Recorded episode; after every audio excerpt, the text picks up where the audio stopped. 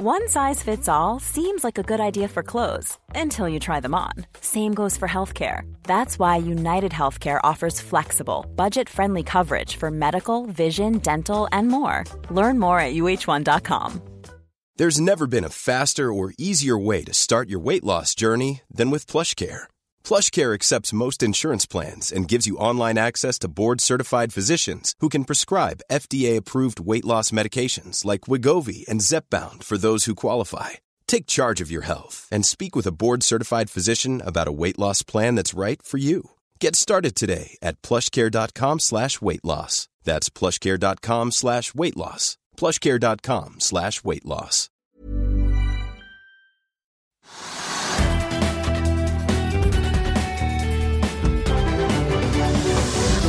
Velkommen til Økonominyhetene tirsdag 24. mai.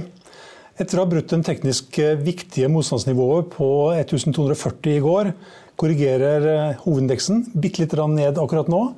Den er, eh, ja, nå er den faktisk litt opp igjen. Den er tilnærmet uendra, opp 0,05% til 1247,59. Slik at den ligger da fremdeles over det tekniske motstandsnivået. Det skal vi komme litt tilbake til senere i sendingen.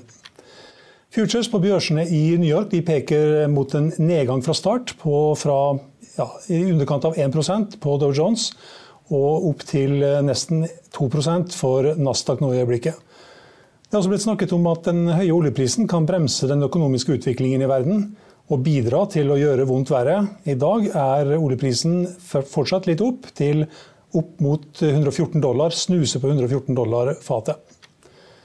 Det er mye smått og ja, mye smått høyt på vinnerlisten. Rom Real, EM Solar og Norcod er opp eh, ja, Rom Real er opp 26% Norcod 12% EM Solar 11% småtteri. Blant de mest omsatte så er Kahoot, som er ned 3% Nordic Semiconductor er ned eh, litt i overkant av 3% På eh, vinnerlisten så er det Vidt tapperlisten, mener jeg, så er det Green Minerals Canopy og Aribatek, også småtterier her, som er ned fra 10 til 14-15% Og blant de mest omsatte så er Equinor ja, den er ned 0,2% mens Hydro er ned 1,4% Frontline opp 5% Yara opp 1 før vi går videre i sendingen, husk at du også kan se sendingene våre ved å gå inn på fano-tv, og at vi også har andre podkaster enn bare Økonominyhetene, som Morgenkaffen, Gründerpodkasten Veien hit, Ukens vintips, Kunstpraten og bilpodkasten Mil etter mil. De finner du ved å søke Finansavisen, der du hører på podkast. Forrige uke dukket Øystein Streis Betalens Tycoon Industrier og Arne Fredlys Apollo Management opp på Flyrs aksjonærlister. Nå er Spetalen tilsynelatende helt ute, mens Fredly er ned 100 000 aksjer til 2,8 millioner aksjer. Kjetil Skorstads Tigerstaden har også lettet seg, og er ned fra 1,7 til 1,44 millioner aksjer. Og her kan det være en liten forsinkelse i oppdateringene, men det er omtrent slik det ser ut da i øyeblikket. Adevinta eh, la fram eh, kvartalstall i dag, og aksjen stiger litt på ferske kvartalstall for eh, første kvartal. Inntektene økte med 6% til 387 millioner euro. Det var litt mindre enn det som var venta. Her var det venta 392 millioner euro. EBITDA kom inn på 125 millioner euro, som var litt ned fra i fjor. Ned 5 millioner euro. Hafnia er, aksjen er opp på gode kvartalstall i går og ferske anbefalinger i dag. Pareto Securities eh, gjentar kjøpsanbefalingen og hever kursmålet til 45 kroner. Og I dag så hiver også Frode Mørkedal i Clarkson seg på. Han gjentar sin kjøpsanbefaling og hever kursmålet med 50% Det kan du lese mer om finansavisen.no nå. Aksjen er opp 7% til 30 kroner og 50 øre. Frontline stiger også på gode kvartalstall i dag. Det de er imidlertid påvirka av ekstraordinære poster og et forsikringsoppgjør justert for dette, og en gevinst på derivater på 24,9 millioner euro, dollar forresten, eh, endte resultatet på minus 1,6 millioner dollar. Det knytter seg også store forventninger til eh, gigantfusjonen, i hvert fall den forventede gigantfusjonen med Euronav Og selskapet sier, i fall selskapets sjef sier nå at eh, de posisjonerer seg for et syklisk og langvarig oppgang i tankmarkedet. I tillegg til Frontline så er det også tolv andre selskaper som har lagt fram kvartalstall i dag. og De kan du lese mer om på finansavisen.no. I morgen så er det 25 selskaper som legger fram kvartalstall, og det får du full oversikt med å gå inn på finansavisen.no i morgen. Vi skal raskt rusle videre. Vi har fått med oss to gjester i studio, og det blir makro. Vi har med oss sjeføkonom Jan Ludvig Andreassen i Eika-gruppen og redaksjonssjef i Finansavisen, Are Haram. Velkommen. Takk for det. Jan, eh, lenge så spådde du nullrenter i evig tid. Men så forandra verden seg totalt. Og i god Keynes-ånd så har vel du også endra ditt syn? Ja, altså Det er mye som har endret seg. Uh, og hvis vi tar det store sveip, så, så, er det jo sånn at uh, jeg våknet opp i dag til veldig sånn pessimistiske husholdningsbarometer uh, for forventningene. og det er det egentlig liten grunn til av objektive grunner. for Norge har jo kommet veldig godt ut av denne uventede utviklingen som har skjedd det siste året. Uh, og hvis vi ser litt, Før vi går på liksom de tradisjonelle arbeidshestene, BNP, inflasjon og finansmarkedene, så ta et skritt tilbake og så ser du på litt at det som egentlig har skjedd nå i år, det er at du har disse økonomiene Modne økonomier med forvitrende arbeidsbefolkninger du har disse her eh, diktaturene. Eh, Nord-Korea, Russland, Kina med veldig dårlige demografiske utsikter. Diktaturer som har gått til krig, eller vurderer å bruke krig som virkemiddel. Eh, og oppi det hele så blir da verdenshandelen og råvaremarkeder og priser veldig kommet i ulage. Dette er jo også store økonomier som eh, Det er jo den største krigen vi har hatt på europeisk fastland. Eh, så går vi da Ser da hvordan dette bakteppet, disse tre faktorene, da, i demografien, disse her politiske forholdene med de det er sånn aksemakt, vår tids aksemakter. Eh, Kina, Russland og Nord-Korea. Eh, og i vanskelige handelsforhold, leveranseproblemer slår inn i BNP, inflasjon og finansmarkeder. Så er det jo sånn at eh, ja, BNP falt i 20, kraftig opp i 21, og nå flater det ut. Litt mer i tråd med trend og demografisk utvikling. Inflasjon er uventet høy. Og i finans så er det sånn at eh, kontantstrømmene det er nye hender da, som får tak i all denne cashen. Nå er det plutselig, Da oljeprisen var lav i 2020, er den nå skyhøy. og OPEC-land og Norge og sånn svømmer i cash. Så, men det er grunnleggende sett veldig god cashflow til langsiktig sparing for finansmarkedene.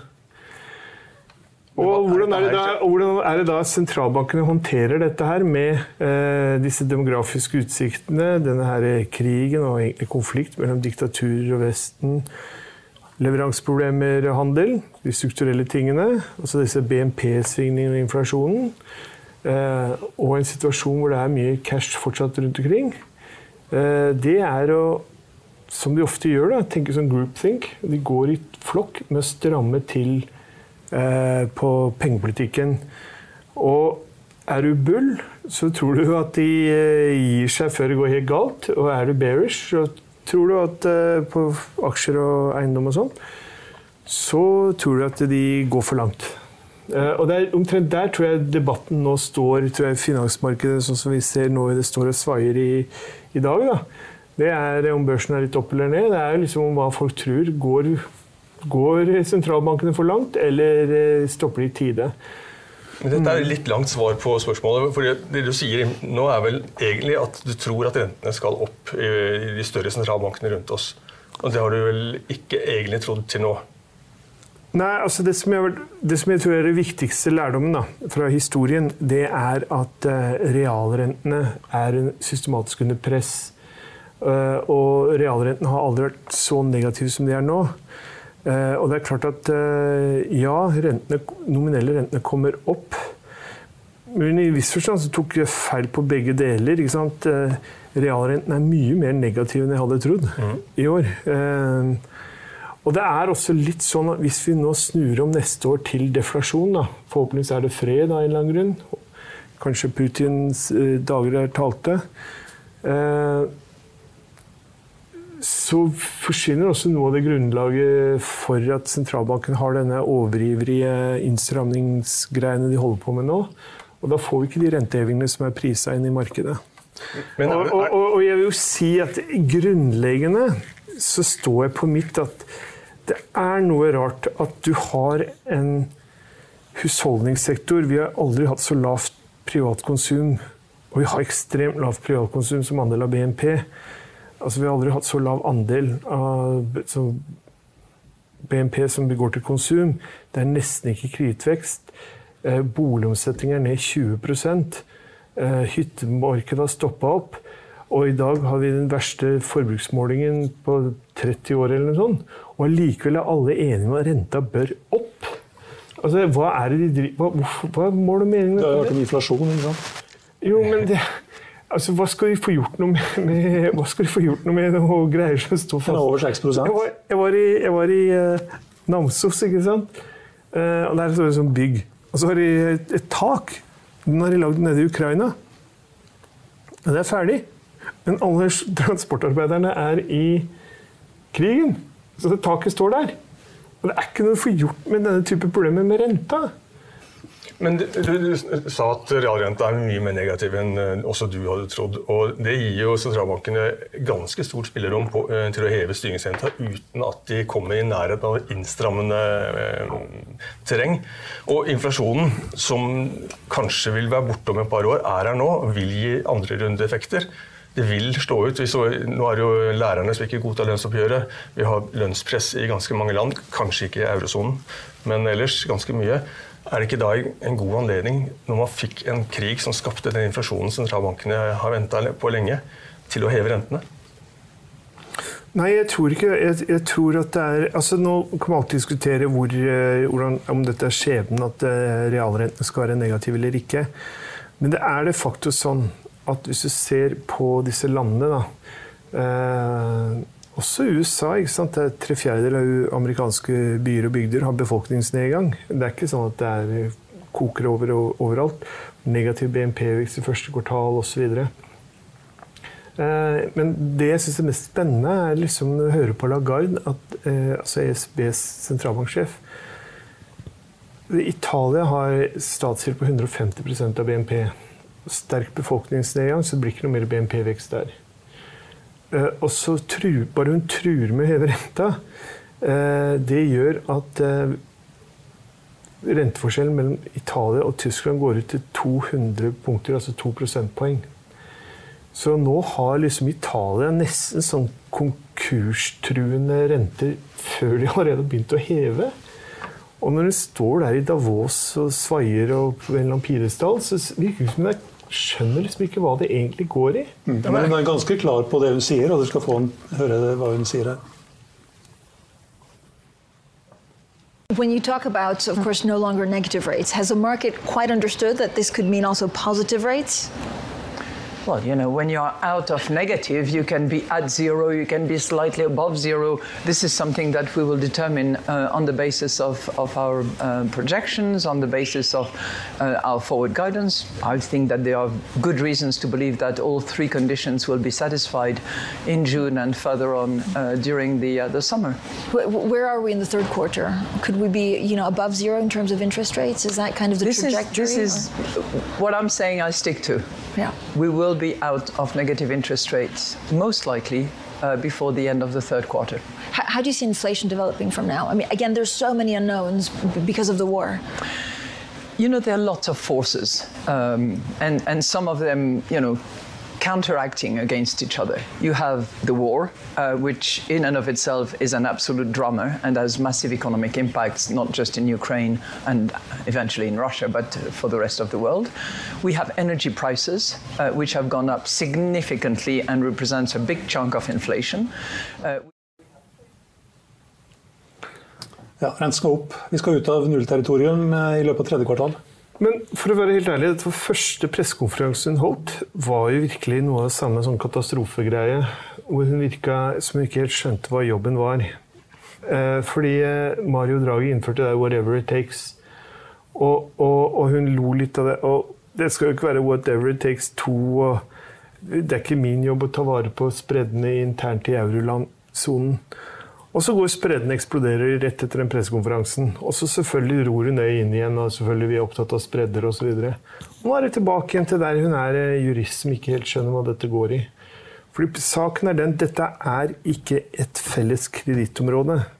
Unikreditt har forskjellig cash og innskudd og egenkapitalkrav i ulike euroland. Så du, veldig fort gjort nå så destabiliserer du hele eurosonen med dette her litt eh, flåsete, uansvarlige pratet. Så det er eh, veldig trist, men sånn er det. det og, og, hvis jeg skal si en ting hva jeg var mest redd for Jeg trodde ikke de ville heve rentene. Og jeg tror heller ikke USA ville være så aggressive. Eh, og det er, og, og, som ingen legger vekt på, men som jeg frykter aller mest, så er, har det vært den her tapering Sist gang vi prøvde seg på tapering i 2018, gikk det helt galt i USA. Eh, og nå skal vi kjøre mye større beløp. Eh, og det er jo litt sånn da, at i motsetning til en sånn obligasjonsdesk i Norge da, husker jeg da jeg jobba der. Du hadde en bok med en milliard kroner i obligasjoner. og Så ringte du kunden og sa nå må du kjøpe for 10 millioner, for det er det siste vi har igjen. ikke sant? Og så prøver du liksom å massere ut pengene. Sentralbanken er mye mer sånn eh, hardhendte når de pumper ut de der kreditpapirene. Dumper til hvilken som helst pris som helst. Kan, hvis de treffer da på det salgene på et tidspunkt av døgnet eller en dag hvor det er lite kjøpere der ute, så kan prisene falle mye og skape stor volatilitet i kredittmarkedet. Det som skjedde sist med når Fed eh, drev og, og og skulle drive sånn tapering fra De hadde samla mye obligasjoner i etterkant av finanskrisen. ikke sant? For å, de hadde for å pumpe inn likviditet. Kjøpte masse obligasjoner i 2009 og 2010. Skulle begynne å pumpe det ut igjen. Eh, litt uvørent, og skapte stor markedsuro som ga også børsfall. og Husholdningene ble skitredde. Tror du ikke Fed er innstilt på at det kommer til å bli urolig på børsene, og at de er nødt til å gjennomføre det den gangen her? Altså, de, de, har jo hatt tapering tantrum før, og de, og de, har kommunisert dette veldig tydelig og veldig lenge. Nå er de nødt til å bygge ned balansen, ellers så vil de sitte der malt inn i et hjørne uten å komme seg ut av det for evig tid. Nei, altså Det er jo bare å sitte til forfall. da. Jo, de var jo ikke evig, disse tingene. Nei, men Det er også en slags taping. Det er Blodparten av det, ja, ja, ja, av det som kommer i sommer, er jo ikke, ikke, fornyelse ved forfall. Det, det, er noe det jeg ikke helt tar når jeg hører på disse sentralbanksjefene. og Det er den her virketrangen, denne hasten. Det forundrer meg krig. Det er ikke godt å vite hvor dette ender.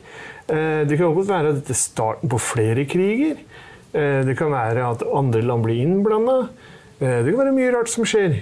Hva er det du taper på å se det an litt? Eh, og det er altså sånn, Hvis man ser på non-farm payrolls, da, og de er volatile, de lønnstallene, men de, de trender mot sånn lønnsvekst på rundt 3,9% de siste tre månedene. Kan hende det snur. Men eh, Norge eh, 3,7 Jeg syns det er et veldig ansvarlig, moderat lønnsoppgjør, gitt de utfordringene vi har. Gitt at vi har en regjering som ikke klarer helt å stokke beina sine. LO har gjort en fantastisk jobb med å holde liksom ting litt sånn noenlunde på stell her i landet. Og så kommer de der nesten hysteriske rentehevingene. Hva er det man, hva er det man skal for noe med de rentehevingene? Kritveksten er jo nada. Forbrukerne er allerede deppa. De aksepterer reallønnsnedgang. Selv om mye av inflasjonen kommer fra utlandet, så vil jo rentehevingene bidra til å dempe inflasjonen. Bl.a. gjennom valutakurskanalen. Ja da, men det, alt det der er sånn midlertidig one-offs. Så jeg, jeg, bare skjønner ikke det, Hvis det er noe press i norsk økonomi, så, så skyldes disse uansvarlige politikerne ikke at husholdningene griper til så mye rart. Det er heller ikke noe særlig vekst i bedriftenes investeringer for øvrig, eller kritvekst. Ja, fire av fem nye stillinger de siste året har vært i privat sektor.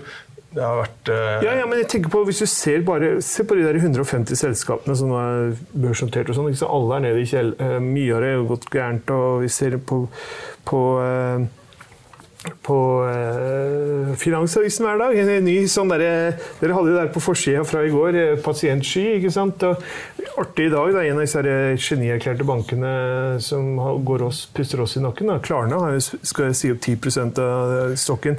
Så det er satt i gang veldig mye sånne type konsolideringsprosesser da, i store deler av næringslivet. Uh, så, og hvorfor, Hva er dette eh, haste for? Og lønnsoppgjøret i år er jo veldig ansvarlig og moderat osv. Tror du at lønnsveksten i år havner på rammen på 3,7% eller kan det hende at den bikker på 4-5? Ja, noe der omkring. Ja. Men det er stort sett lavtlønte folk som får noe penger nå.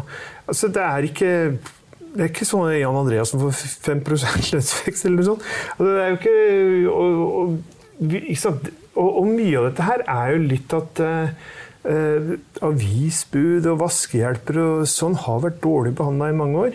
Og de landene hvor lønnsveksten er størst problem, er jo der hvor folk har gått på rene slavekontrakter, sånn som i Storbritannia og USA. De land hvor arbeidere blir tatt godt vare på, sånn som Frankrike og Tyskland, er det mye lavere lønnsvekst. Så jeg, altså Poenget er at vi skal ikke være helt hysteriske når markeder fungerer. Og spesielt i krigstider så er det klart det er veldig stor forskjell på relative prisutvikling på ulike varer og tjenester. Eh, og så men i ett og alt, altså, hva er det som haster sånn? Jeg ser ikke, og Det er altfor tidlig å konkludere på hvor dette her går eh, med denne her, eh, krigen. Men, men, hvis ikke sentralbanksjefene skal se på inflasjonen, hva skal de se på da? Det er jo det de ja, jo, jo, de skal se på det, men legg merke til at vi starta, så kalte man det, så var man veldig fokusert på inflasjonen. Og så ble man så veldig sånn stolt av Nei, nå er vi ikke lenger inflation nutters. Nå ser vi på litt andre forhold som arbeidsmarked og kreditt og i det hele tatt. Og vi ser liksom den teknologiske utvikling og gamle årstaler med Øystein Olsen er full og sånn Eh, Oxford-studie som viser at halvparten av jobbene blir rasjonalisert bort, og kunstig intelligens og selvkjørende biler og, og gudene veit hva. ikke sant? Og, da, og så er det, Nå er man tilbake til helt nutters og ser bare på pristallene og sånn, og jeg er veldig stolt av det. Ja, men det er jo det er, ikke så rart. Her, er, jeg, jeg, aksepterer at dette er en vanskelig jobb. Det er ingen matematisk formel osv. for å gjøre dette. Men eh, egentlig de siste to åra har sentralbanksjefene veldig lite å være stolte av hvordan de har oppført seg. Og ikke minst det største problemet vi har i verdensfinansen, er alle de stakkar unge mennene som har tapt skjorta i det der kryptomarkedet. Som i min definisjon er ren svindel. Nå ble det forbudt for lenge sida. Og alle de som har gjort det her hjemme i Norge, de kan bare sende regningen til Norges Bank. for det er der den hører hjemme. Men Du sier at sentralbanksjefene ikke har veldig, veldig, mye å være stolte av. Er ikke noe av den, feilen som går inn i flest land, at de har vært litt for seine til å erkjenne at inflasjonen har vært på vei opp, og, at det ikke bare var et blaff? Fed er vel helt åpenbart der. ESB er livredd for å havne bakpå. Norges Bank har vært tidlig ute med å signalisere og har nå begynt å heve renta. Men likevel, burde de ikke i ettertid vært enda tidligere ute? Når inflasjonen faktisk er oppe på 5-8% i alle land vi ser rundt oss? Jeg vil i hvert fall si Det sånn at det åpenbare var at når boligprisveksten i USA ble tosifra, så burde sentralbanken slutte å kjøpe eh, boligobligasjoner. Eh, og nettopp fordi det at du kjøper unødig mye tidlig, gjør alle tapering-problemer på et senere tidspunkt mye større. Du skal jo avhende dette her en eller annen gang. Så, så bare ren for sånn derre eh, og og så er det jo sånn at eh, det, på et eller annet tidspunkt i fjor høst så må eh, Biden ha tenkt at vi kan ikke stramme til finanspolitikken for mye. Det er faktisk en ganske sterk innstramming på finanspolitikken. Men allikevel, budsjettene er mer ekspansive i USA nå enn de var under Trump. Og jeg kritiserte han døgnet rundt for å ha for ekspansive budsjetter. Studier i i Fed fra San Francisco viser jo også de fleste sånne problemer man har, er jo med knapphet på folk. Eh, skyldes eh, for, for, ekspansiv finanspolitikk. Lavt skattenivå, høyt utgiftsnivå i offentlig sektor. Eh, og det er jo åpenbart at det er det samme problemet i Norge. Når du har så lavt nivå på privatkonsum, og boliginvesteringen kommer ikke til å stige i år. Vi kan alltid krangle om hvor viktig det siste tallet viser fall på 37% er. Men iallfall blir ikke noe vekst i dette her greiene i år. Da. Det kan vi enes om. Så så, så bolig Altså husholdningene er jo hvert fall Og så er det jo litt sånn at i USA det, var det høyere kritvekst eh, også i husholdningssektoren. Så der er det sterkere argument for å heve renta, det skjønner jeg. Men i EU er kritveksten rundt 4,4% tror jeg sist gang jeg så på ESB. Og det er og det er mye lavere enn boligprisvekst og sånne type ting. Så det går jo egentlig bare til bolig, de der eh, krittgreiene. Og det er jo Hvor lav skal du ha den der krittveksten? Men nøytralrenta må jo nødvendigvis være ut fra nå. Eh, med gjeldssituasjonen vi har i Norge i dag, så virker en gitt rentesats langt hardere enn vi har gjort for 10 og 20 og 30 år siden. Men Det er av, et av argumentene Norges Bank bruker for at eh, nøytralrente i Norge er lavere. Jeg så prognoser eller anslag fra eurosonen på at de mener at nøytralrenta ligger på 1 til kanskje 1,5 og Da er det en del hevinger før de er i nærheten av målet. Men, men igjen, altså, ikke hopp så rett på forklaringer, for det fins ikke gode forklaringer på det. For det fordi, og det er veldig sånn påtagelig, fordi jeg leser mange Jeg satt og skrev den boka om realrenten, realrentene som altså, skulle falle. Og så har du mange sånne som hadde forklaringer. Også de som var ærlige, sånn som Borio, eh, som har en veldig flott artikkel på dette her fra 2018 eller 2019. Eh, han gikk gjennom alle årsaksforklaringene som han fant. Og han sa at de, de, det var ingen av dem som han klarte å holde over tid. da. Sånn gjennom eh, århundrene, på en måte. Eh, vi har fallende realrenter og sterk befolkningsvekst i perioder også. ikke sant? Så det som var veldig sånn befriende når han der kameraten han kom, han derre eh, Schmeltzing, i januar 2020, og jeg satt og sleit med boka mi og da, da, fikk han sitt eget kapittel. Jeg er veldig, evig takknemlig for den der, uh, arbeidet hans. Hvor han påpekte rent empirisk, for å se på kryppapiret tilbake til 1311, og mot det han kunne finne av inflasjonsgreier, at realrenten har vært fallende. Og så hadde han ingen kausalitet, ingen forklaringer. Det var bare deskripsjon av det fenomen at realrenten var fallende. Og ut fra det så trakk han én ganske sikker konklusjon. Og det er at det fins ikke noen eh, fast, nøytral realrente. Ja, men den, den, er, fast. den er alltid fallende. Men den trenger ikke være fast. Men hvis sentralbanken har en idé om hva den er omtrent nå, så er det et hjelpemiddel i deres navigasjon. Jo da, men det er ikke sånn de uttrykker seg. De, de er sånn derre Gutta, er vi var tilbake igjen som, Du sa det selv, vi skal tilbake igjen til en eller annen realrente som var en eller annen gang. Altså, hva er det for noe? Ja, hvilket tidspunkt? Hvorfor velger du det tidspunktet og det året? Nei, Hele greia tror jeg går på at europeere skal ha både Litt sånn som nordmenn. We have your cake and eat it. Vi skal spare masse penger, mye mer enn vi klarer å anvende innenlands. ikke sant? Og det i seg selv er da å legge en byrde egentlig bare verdenssamfunnet. At dere må ta i bruk våre sparemidler. Og ikke bare det.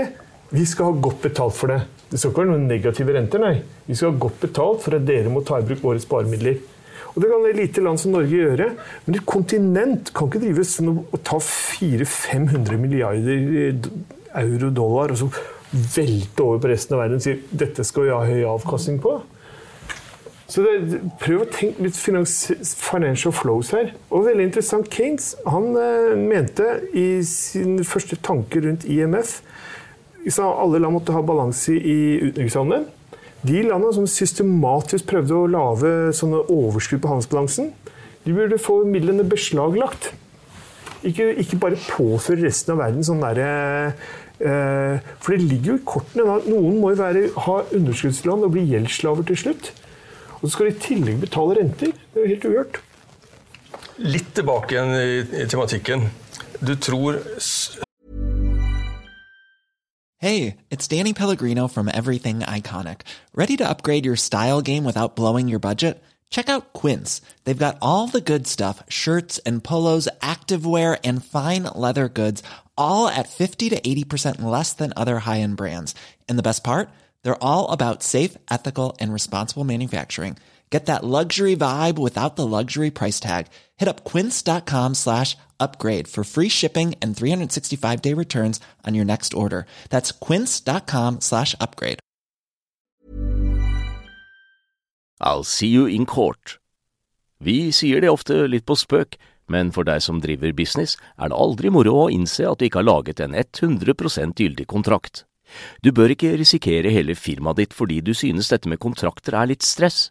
En avtale er ikke en avtale. Du kan miste kunder, miste venner, ja, til og med miste inntekter om du ikke lager en skikkelig kontrakt, på alt mulig, egentlig. Men vi vet det er et styr. kopimaskiner, treg printer og haugevis av papir. Dessuten stoler vi jo på folk her i landet. Det er ofte litt kleint å skulle be om en signatur for alt mulig, ja, for mye av styret handler også om jakten på underskriften. Det finnes en enkel måte å løse dette på, Dukkobit, en trygg, effektiv og get this, gratis måte å sikre seg en god natts søvn pluss en juridisk bindende avtale. Dukkobit-appen har de strengeste sikkerhetskrav i bunn, samt en EU-godkjent og sertifisert teknologi. Framover vil det bli behagelig å spørre du, skal vi skrive under på det, eller? Kom i gang på dokobit.no. Det høres ut som om ESB kommer til å heve renten kanskje et par ganger i sommer, og så fortsetter litt til, og så av, av, avslutter de. Og du tror at Fed kommer til å avslutte omtrent på hvilket nivå da? Nei, så Det er også veldig vanskelig å vite når du først er ute i, kjørt av veien, på en måte, hvor er i, hvor er i krattet du havner. Eh, så, men skulle jeg gjette på, så det som kommer til å stoppe både Fed og eh, eh, og ikke minst euro, det er når kritmarkedene bare stopper opp. Altså her, at De tar, tåler ikke mer rentehevinger. Og Det var det som fikk dem til å snu jula i 2018 også. Masse hevinger og tapering og sånn. Markedet rett i toa. Ingen kjøpere noe som helst. og Da måtte de bare snu. Og det var jo litt derfor, det var derfor de var så utrolig sånn slepphendte med penger i 2020. var de, de skulle, nå har vi lært, folkens, vi skulle ikke gjøre samme feil som vi gjorde sist gang. Eh, og så får vi nå denne her eh, greia her, og kanskje går det bra å tapere for 90 milliarder dollar i måneden, men det er mer enn det, det er om lag det dobbelte da, av det de tapera sist i 2018. Så, så vi har aldri prøvd denne type tapering før. Og denne gangen skal alle gjøre det samtidig. Med unntak av én salig sentralbank, og det er den japanske. Der er det minus 0,1% fremdeles. Vi holder koken. Vi har endelig fått litt inflasjon. da. CO2-tallet, hvis jeg ikke husker feil. Og det er de kjempeglade for. Ja. Også, og, og, husk, altså, Jeg sier ikke at det er bare problemfritt å ha inflasjon, men det er mange fordeler med det. Får, I hovedsak så er de som får løfta lønningene nå, de er på ganske lave nivåer. Eh, du får et land som så Frankrike hadde 7% BNP-vekst i fjor. Det er jo kjempebra. I land som sliter tungt. Macron nå, kunne nå gå på valg, se hva mine reformer har bidratt til. Nå kommer pensjonsreformer som hever den eh, latterlig lave franske pensjonsalder og strammer inn på alle ordninger for særinteresser. Eh, og få flertall for det. Du får satt i gang mye sånn gode prosesser. Alle panteverdier er nå bedret. Altså, det er også påtagelig i Norge at ikke folk helt har fått med seg når Finanstilsynet skriver noe som at eh, forholdene for husholdningene er omtrent som før. Det er ikke det. Boligpriser er opp ca. 10% og nå er det bredt basert. ikke sant? Noe av det svakeste boligprismarkedet er jo hovedstaden. Eh, og det betyr at panteverdien for alle våre lån, da, i praksis, i hvert fall i Eikaland, er bedret. Eh, og alle våre kunder er mer solide. Og så er det selvfølgelig, kan det være, blir det noen inflasjonsforventninger som skaper vei. Ja, selvfølgelig, det er noen problemer også med å, at vi har en sånn bølge av inflasjon som nå velter gjennom økonomien. Men mitt tips altså, det er at uh, når denne freden melder seg, og ting normaliserer seg, og, uh, så, så, kommer mange priser til å falle. Men Du har snakket om problemene ved tapering og problemene ved at markedene ikke tåler rentehevinger. Er ikke det et argument i seg selv for å gjøre så mye man kan over en periode nå, slik at man har litt å gå på når neste krise kommer til å falle, inntreffe? Altså, nettopp det at, det at vi eh, sliter som å komme oss ut av dette hjørnet, gjør det desto viktigere å prøve å komme oss ut derfra. Ja, altså, jeg, jeg, tror ikke det er noe hjørne. Jeg tror, tror egentlig et, Man kan prøve å få realrenten til å bli positiv, så går det gærent, og så må man ha kraftig negativ igjen. Og Det har allerede kommet inn eh, han Posar, han er gamle eksperten på eh, finanskrisen. Han har allerede spådd at vi er tilbake på eh, quantitative easing allerede neste år. Eh, så, så poenget, men poenget her er jo da at eh, ta det gradvis. Og ja, jeg, jeg, det kan godt være det er veldig mye sunt i den markedskorreksjonen vi har sett. Masse eh, verdipapir redusert med 70-80-90% i verdi fra toppen. Krypto er jo borte. Krypto har, har knekket helt sammen. Eh, mye av dette greiene her er, er det, er mye sunt i, i, i, det som nå har skjedd også. Eh, men, men det, er, det, er, jo ikke sånn altså Hvis du ser på børsene, så ser jeg liksom uh, på min Bloomberg da, at det er sånn P-multipler i Europa på sånn 10-11. PR-multipler på forward, da. Og det, det er en upo, upålitelig venn. det, det, skjønner jeg. Uh, earnings, og så er det sånn 15 i USA. Til og med Nasdaq 100 har en P nå på rundt 20. 23 på Apple. Ja, altså det her er ikke sånn der, Jeg skriker ikke sånn at dette her er eh, vanvittig dyrt. Kanskje det er for høyt at det skal ned i 21 eller noe, ikke vet jeg. Men, men det er ikke sånn at dette her, du, med det blotte øyet så ser dette veldig rart ut. Eh, så, så, så, så den derre 20% korreksjon på SMP, 30 på, på Nasdaqen, det, det kan godt være det man kan kalle det for en sunn korreksjon. Eh, og i kredittmarkedene så, så har det ikke vært altså Kritidsbreddene er gått kraftig ut, men det er ikke sånn at de er sånn faretruende høye eller noe sånt. Det er mer sånn vi kjenner igjen fra gode, gamle dager. At eh, nå har man eh, på high yield fått opp eh, yielden til sånn 7-8 eh, Så det, det, er liksom på en måte Nå er det det er mye normalisering av kreditt, av eiendomsvurderinger, av, eh, av verdsettelse av selskaper masse av disse her eh, selskapene som ansatt over en lav sko, eh, begynner nå å si opp folk, stramme inn, begynner å ha mer fokus på å skaffe seg kontantinntjening, ikke bare leve på løfter om fremtidig inntjening, men liksom nå prøver nå å få Men alt det vil bli borte det øyeblikket sentralbankene sier i kødda, vi kommer ikke til å heve rentene mer. Jeg tror du det? Ja. Jeg, jeg, tror, jeg, har litt sånn der vidunderlig uttrykk jeg får fra en brite, at uh, suffleen reiser seg bare én gang. Jeg tror ikke det der kommer tilbake som det første. Hvis du hadde vært sentralbanksjef i Norge, hva ville du ha gjort? Og hvordan ville det da sett ut i Norge om ett til to år? Altså, jeg ville ha reist litt sånn hvite flagg og sagt at uh, vi er fullstendig overbelasta. Uh, der vi har store problemer, er at vi har et skattesystem som eh, oppmuntrer nærmest kokkelimunke i eh... ja, Men skattesystemet kan ikke du som sentralbanksjef gjøre noe med? Nei men, nei, men, du kan si fra at pengepolitikken nå eh, Og jeg kan ikke skjønne liksom hva du skal, skal du ha kritveksten ned i 1 eller noe? Er det det du skal ha? Liksom, så sentralbanken har egentlig gjort sitt ennå. Når gjeldsnivået er så høyt, så vil du kanskje ha ned en periode? Hva skal du gjøre med gjeldsnivået? Det er som å se på eh, og, og, i reelle termer, bare med så lav kredittvekst, så forvitrer det gjelda Ja, hvis gjeldsvekten er null. Jo, men altså Nei, altså, man skal ikke være så hysterisk. Hør nå her. Hør nå her. Der, folk er så hissige med de gjeldsnivåene.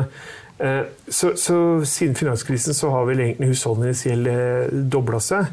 Men deres formue, hvis vi ser på boligformue, ligger jo på rundt 10 000 milliarder kroner nå. Eh, og de har en gjeld på fire. Og så har de da en eh, eh, masse Vi har en veldig høy sparerate og masse pensjonssparing eh, i privat sektor. Og i offentlig sektor så Husk altså når jeg jobba i oljefondet i 1998, så var det under 200 milliarder kroner der. Nå er det 12 000 milliarder kroner der. Eh, over 2 millioner kroner per nordmann. Det får være måte på liksom, hvor mye du skal spare. Og handelsbalansen har vanvittig overskudd på over 30% av BNP. Så, så jeg, jeg, tenker, Dette er jo helt merkelig av husholdningene, og det er der jeg starter. Starta i dag tidlig, så på det der husholdningenes fremtidsoptimisme. Det, det er jo helt spinnvilt. Norge har jo vunnet jackpot, Lotto. Eh, Bjerkebanens toppremie all in one go i år. Vi har vanvittige inntekter. Statsbudsjettet går med vanvittig store overskudd. Eh, og så er folk kjempedepressive. Det har jo aldri vært så deppa som nå. Kanskje det er litt jeg, av krigen? Nei, nei, jeg sier det. Dette landet her, det er, det valgt den økonomiske politikken helt feil. Krig gjør noe med oss, vet du. Nei, det økonomiske politikken er helt ko-ko. Altså der, han løper unna Vestre og skal lage nye industrifabrikker. Når industrien allerede mangler folk over en lav sko. Eh, vi kaster bort penger på internasjonale organisasjoner som ikke har noe eh, har men, men styringsrenten, styringsrenten nå er 0,75% Hva hadde den vært hvis du hadde sittet som sentralbanksjef neste år og året etter? Og hvordan hadde det sett ut i Norge da? Nei, altså Hvis du holder renta mellom eh, Husk, jeg kommer fra et regime på 90-tallet hvor vi satt og brente med flere prosentpoeng om gangen. Jeg traff en sånn gammel investor. Jeg sa han, jeg husker du ja, når vi holdt på i 90-tallet? og så satte Renta gikk jo opp flere prosentpoeng.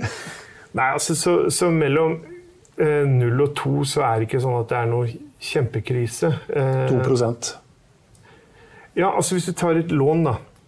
Sånn som det nå går i bankene. Så det er ikke noen fare om Norges Bank setter opp renta opp til 2 Nei, du, du kan vurdere sjøl. Hvis vi, Norges Bank setter opp folioen med 1 prosentpoeng, så setter bankene opp ca. 0,8. Eh, og det de taper der på boliglånsmarginen, ikke sant? det vinner de ved at de, det er så mye innskudd i banker nå. Det er ingen kamp om innskuddene lenger. Så, så da kan de tillate seg å ikke sette opp innskuddsrenta så mye. Så vi tjener mye vi, vi, Så folioen går opp ett prosentpoeng, da. Så går eh, innskuddsrenta opp noen, ti, noen hundredeler og tideler.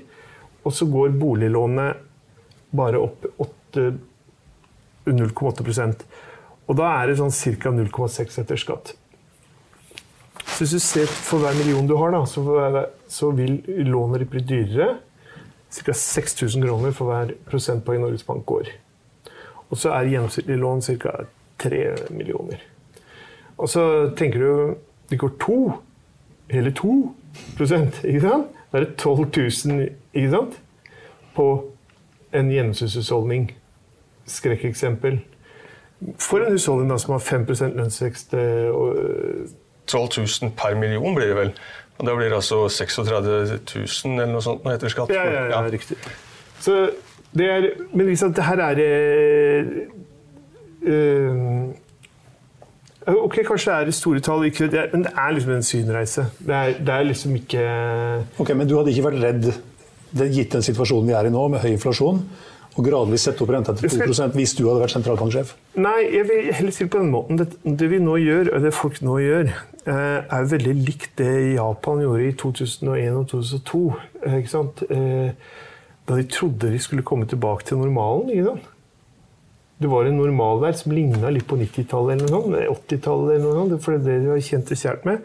Og så la man noen pussige regneregler som gjorde at ja, det var fornuftig å sette på renta. Og da grusa man på en viss forstand all tro på Hva skal vi gjøre neste gang? da? Skal vi hva- Sett at det nå blir nedgangskonjunktur, da, som mange spår, ikke sant, i 2024. Hva skal sentralbanken da gjøre? Eh, vil de stimulere noe som helst å sette ned renta et prosentpoeng? Kanskje hvis de har hevet renta i forkant? Så Ja, men de kommer jo ikke så langt opp. Så um, jeg, jeg bare Nei, jeg, jeg tror egentlig Jeg skjønner at du syns det er en vanskelig jobb å være sentralbanksjef.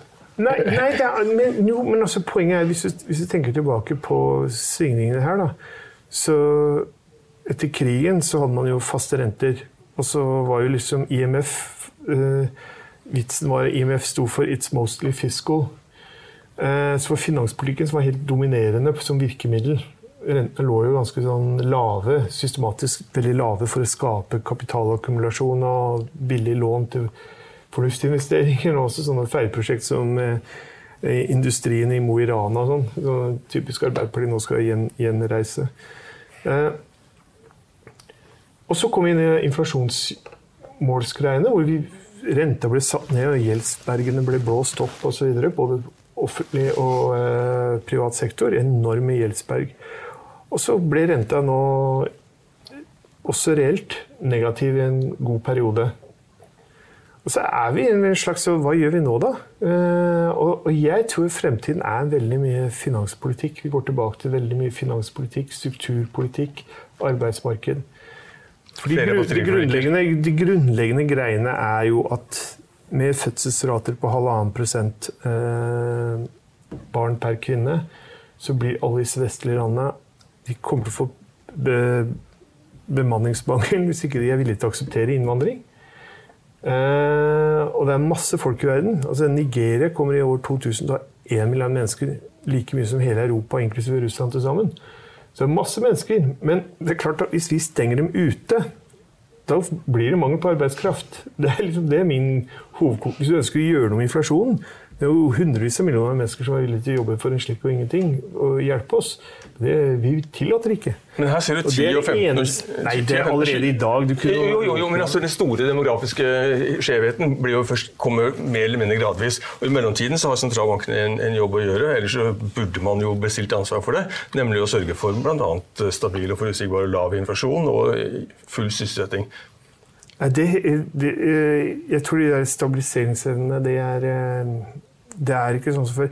Det er ikke kredittrevne markeder i Europa nå.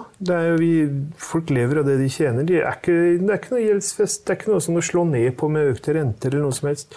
Det du sementerer oss alle inn i, er en sånn derre livsstil hvor vi ikke Vi prøver å gjøre oss uavhengig av den surret og vinglingen og, og, opp og ned og frem og tilbake i sentralbanker.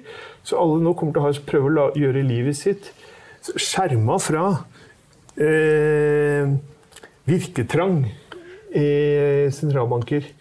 Og så, er det, så, det fare, så tror jeg det er en fare her at eh, denne virketrangen faktisk kan bli så sterk, særlig i Europa, at det er helt ødeleggende for det der eh, europeiske prosjektet. For det, det er klart nå, hvis Italia nå kommer ut av balanse igjen, fordi eh, Lagarde-dama har klart å sette på renta til 1 eller hva det er. Eh, så er det ikke så lett å få de der 30 000 milliarder kroner i statsgjeld i Italia til å bli friske og raske igjen ved å senke renta tilbake til minus 0,5. Det, så, så, det her er, det er litt sånn Nesten sånn eh, Og dette syns jeg er helt unødvendig. Med negative realrenter selv Italia med null økonomisk vekst i sikte de neste 20 åra hadde klart å komme seg gjennom dette. Men nå skal vi åpenbart ut på en eller annen seilas som vi ikke aner hvor ender. Men tilbake til Norge. Du sa i stad at uh, finanspolitikken er årsaken til de pressproblemene vi har nå. Det er ikke kredittmarkedet.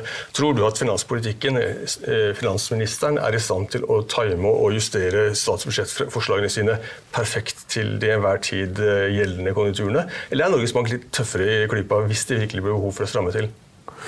Nei, altså det, jeg tror Hvis du ser på hva politikerne bør gjøre, så bør de så vi har en aldrende befolkning med utfordringer på helse- og sosialsektoren.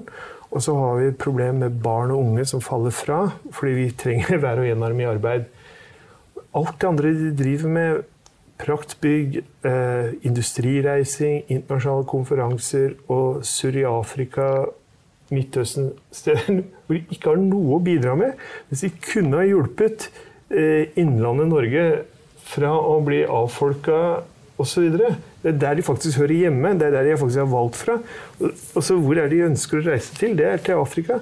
Og er, det her, alt det der greiene, Den virketrangen der også kunne vært lagt ned veldig mye av disse offentlige prosjektene.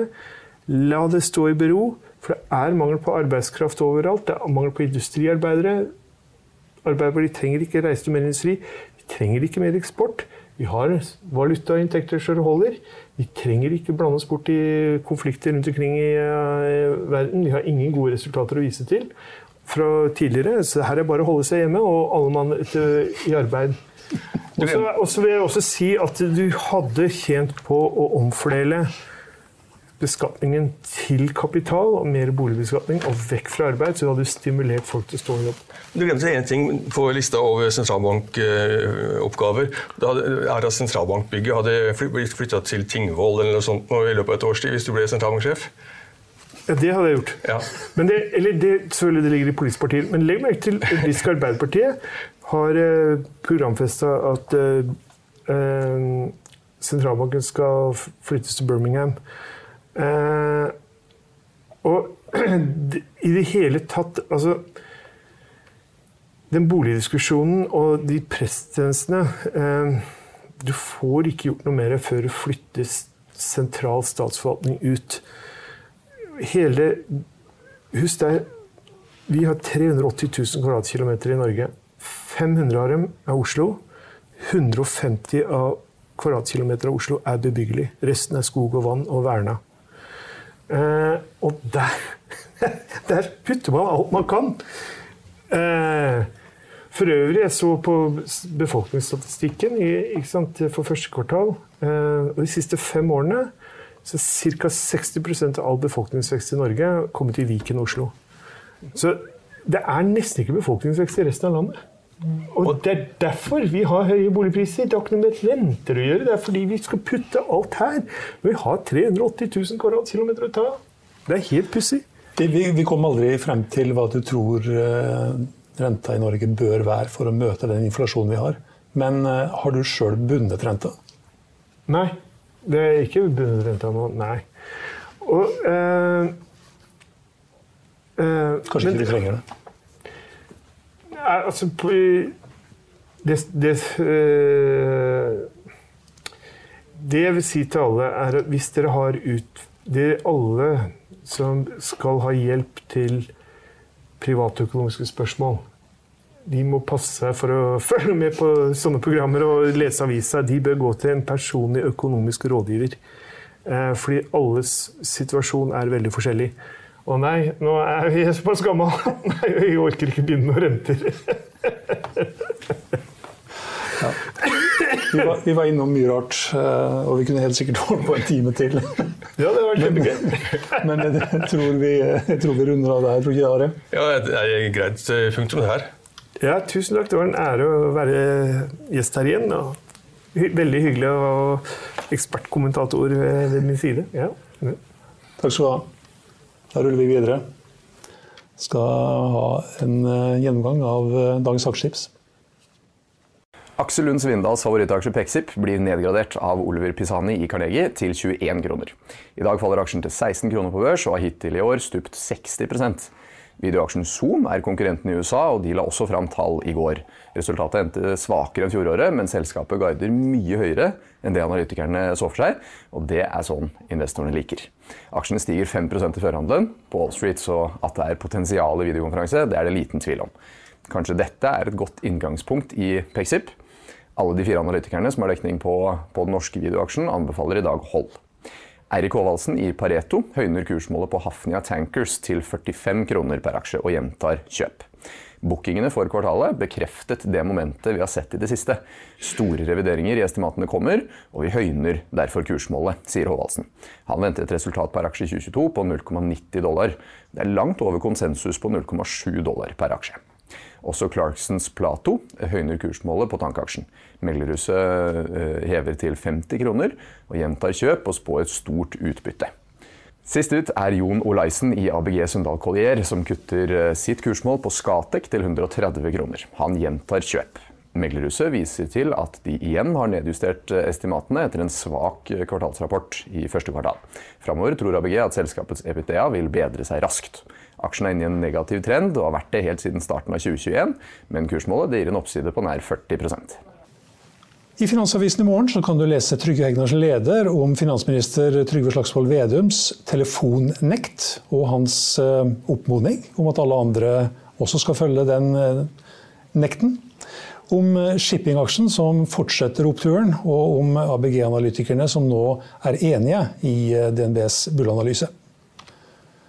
Det var det vi hadde i dag, men vi er tilbake igjen i eh, morgen klokken 14.30. I mellomtiden får du alltid siste nytt minutt for minutt på finansavisen.no. Mitt navn er Stein Ove Haugen. Takk for at du så og hørte på oss i dag. Håper at du også er med oss igjen i morgen.